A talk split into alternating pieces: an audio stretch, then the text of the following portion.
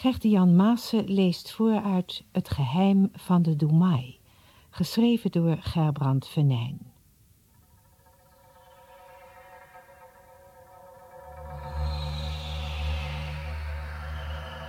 De oude Huino heeft een ongeneeslijke ziekte. Hij wordt verbannen naar het eiland Dogadova. De avond voor een zeilschip hem komt halen, vertelt hij zijn vriendje Jom over zijn verleden. Deel 2 Het geheim.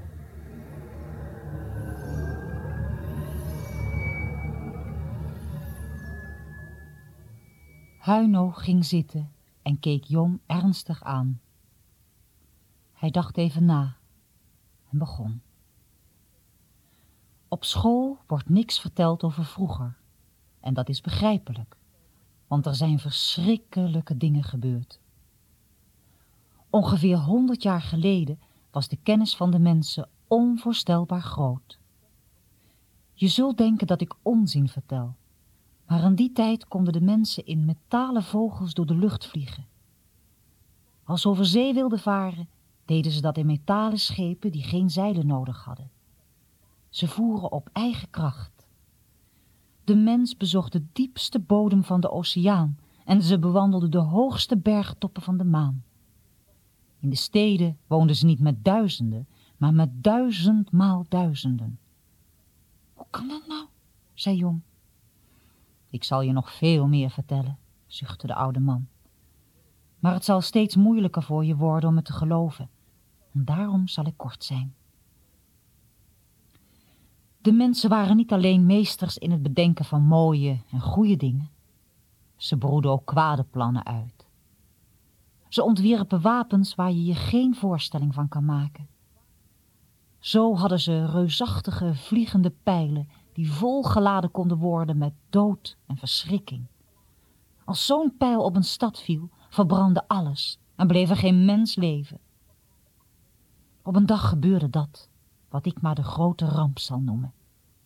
Er trokken giftige wolken over de aarde die veel mensen doden en plant en dier ziek maakten. Onze Domai was een groot en geleerd man die de ramp al van tevoren had zien aankomen. Hij was met zijn volgelingen weggevlucht in diepe onderaardse grotten waarvan hij alleen de toegang kende. Toen de giftige wolken hun dodelijk werk verricht hadden, bleven de Domai en zijn volgelingen nog onder de aarde. Maar op een dag verliet men de grotten. Wat de overlevenden toen zagen? Verwoeste steden, gestorven wouden, rivieren en meren waaruit alle leven verdwenen was. De Domai liet zijn volgelingen in schepen gaan. Met die schepen werden de zeeën afgespeurd naar een land dat niet vergiftigd was. Na lange tijd vond men dit eiland en daarmee het gebied waar de Domai zijn kolonie wilde stichten.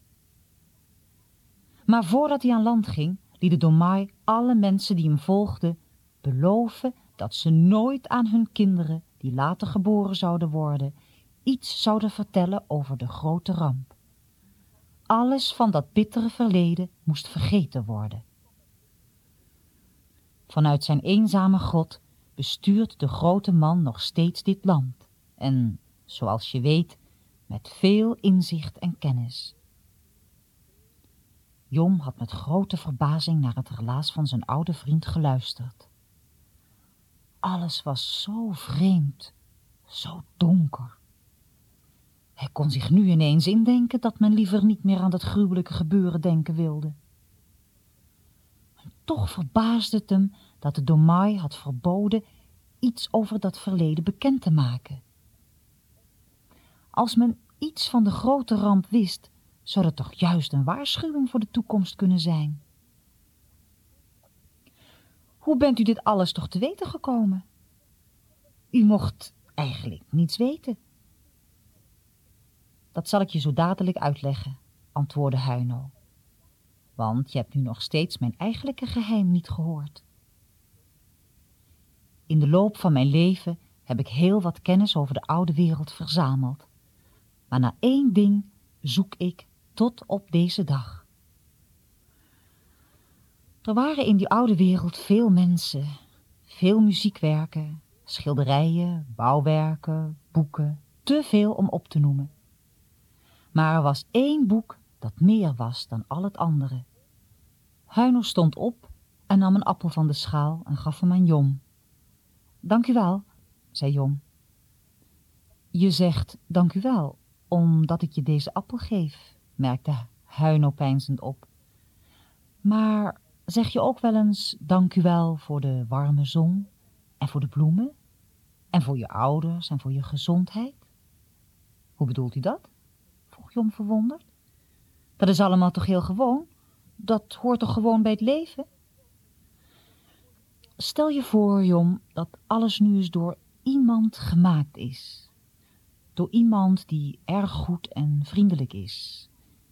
Iemand die alles van je weet en die je leven van het begin tot het eind kent.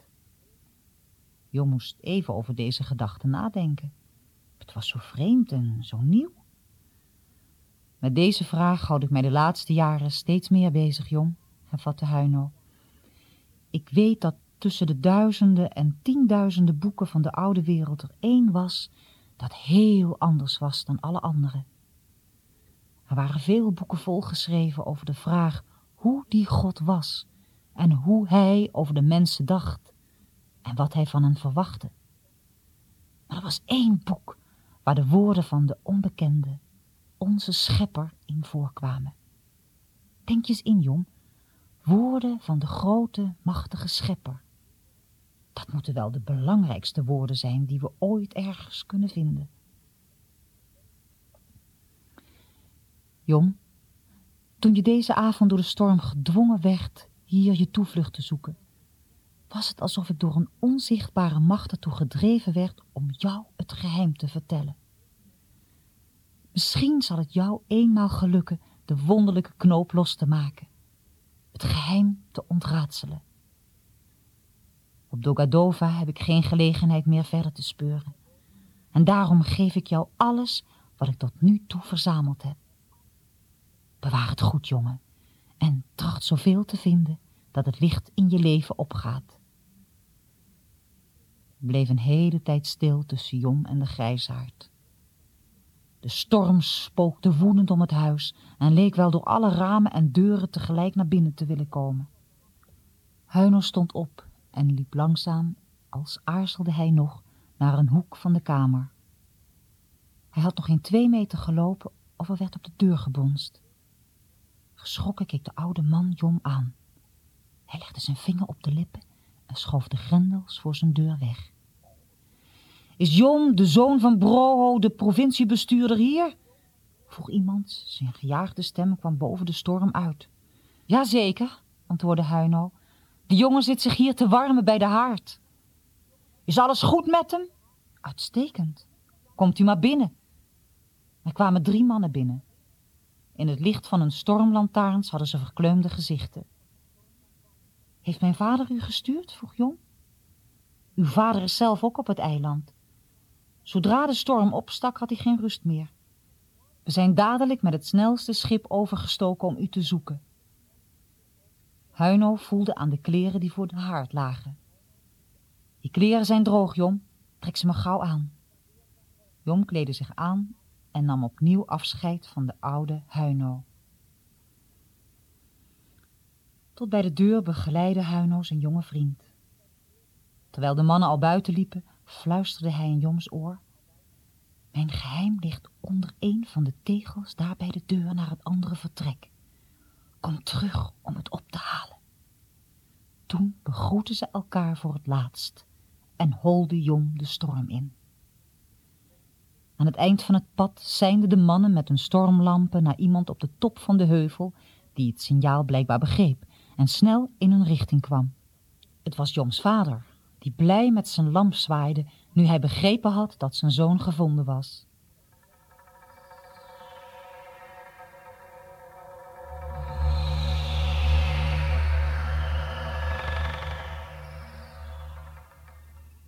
Twee weken had de vakantie nu alweer geduurd. Jon wist gewoon niet wat hem overkwam. Zijn vader had opeens tijd voor hem. Die was voor hem eigenlijk alleen maar de provinciebestuurder geweest, die niet gestoord mocht worden, want hij had het zo druk of hij had een belangrijke vergadering voor te bereiden. Maar nu, nu hij zijn examen zo mooi gehaald had, had vader opeens tijd. Voor bijvoorbeeld een potje schaken of een rijtoer door het bos. Maar toch waren Jongs gedachten bijna voortdurend op het schildpad-eiland. Zijn bootje was in de storm zo beschadigd dat het niet meer gerepareerd kon worden. Hij had al een paar keer om een nieuw bootje gevraagd, maar vader en moeder hadden die avond van de storm zo in angst gezeten dat hij begreep dat dat nieuwe bootje er wel nooit zou komen. Helder stonden hem nog Huino's laatste woorden voor de geest. Het verhaal van het boek. Onder de zware tegels van Huino's vroegere huis moesten ze nog liggen. De papieren die met het geheim te maken hadden. Al had Jomme met niemand over gepraat, toch was Huino's geheim steeds in zijn gedachten. Die morgen was vader niet spraakzaam aan het ontbijt. Hij had een grote rimpel tussen zijn wenkbrauwen. Ik moet vandaag voor belangrijke zaken naar het schildpad-eiland, zei hij. Je kunt wel mee, Jom. Om niet te laten merken hoe fijn hij dat vond, keek Jom naar zijn bord. Graag, vader. Ik ga graag mee. Je kunt dan met Wan spelen. Ik moet met zijn vader spreken. De gedachte dat Jom nu eindelijk Wan weer zou kunnen zien en hem zou kunnen vertellen over Huino's geheim, maakte dat hij met moeite zijn ontbijt binnenkreeg. Over een uur varen we, jongen. Zorg dat je klaar bent. Het was alsof Wan geroken had dat Jom zich aan boord van het zeilschip bevond, want hij stond op het uiterste puntje van de landtong over het meer te staren. Zodra hij zijn vriend zag, begon hij uitgelaten te springen. Vaders boot werd aangemeerd aan de grote steiger van het eiland. Wans vader stond er al op te wachten op de kade. Vanuit de verte zag Jom zijn eigen steigertje. Zo te zien had het niets van de storm te lijden gehad. Jammer dat hij daar nu misschien nooit meer zou aanleggen. Maar veel tijd om daarover in te zitten had hij niet. Zodra hij voet aan wal zette, was daar Wan. Wat fijn dat je er bent. Ga je mee? Wan trok Jon met zich mee en de beide vaders hadden het nakijken. Eerst sprongen ze van steen tot steen langs de steile granieten oever. Toen zochten ze de hut van Wan op, boven in de moerbijboom. Daar kon tenminste niemand hen afluisteren. En daar kon Jom eindelijk iets vertellen over Huino's geheim. Wan luisterde gespannen naar het verhaal over de grote ramp die er geweest was, naar het verhaal over de wijze mensen van vroeger en over het boek dat vertelde over een schepper. Wan was stil. Ik heb altijd wel gedacht dat Huino een geheim had. Jom vertelde niet over de papieren die verstopt lagen in het oude huis van Huino. Hij wist niet waarom, maar dat kon hij toch nog niet vertellen. Tot in de avond praten ze daar in die hoge moerbijboom over een vriend Huino. Allebei voelden ze zich verdrietig. Ze zouden hem nooit meer terugzien. Ze besloten nog wat langs de oevers te gaan lopen. Langs de drassige waterkant waar de bodem onder hun voeten sopte. Eenden en ganzen vluchtten voor hem weg. Met luid gesnater en geplons protesteerden ze tegen de rustverstoorders. Aan de bosrijke oostzijde van het eilandje raakte Jom van ineens kwijt. Waar zit hij nou? Waarom houdt hij zich zo stil? Verstoppertje spelen zeker. Ja, Jom begreep het al. Wan hield zich verborgen totdat Jom zijn schuilplaats gevonden zou hebben. Scherp spiedend rende hij tussen de bomen en struiken rond, maar nergens was ook maar een spoortje van zijn vriend te bekennen. Toen hij even hijgend stilstond, merkte hij dat hij plotseling weer, alsof het zo zijn moest, voor het huis stond waar Huino zoveel jaren gewoond had. Het zien van de donkere omtrekken van het huis tegen het goudgloeiende meer gaf Jom een schok.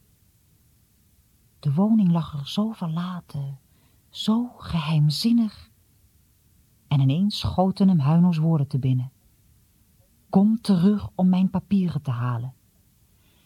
Joms hart klopte gejaagd. Dit was een kans.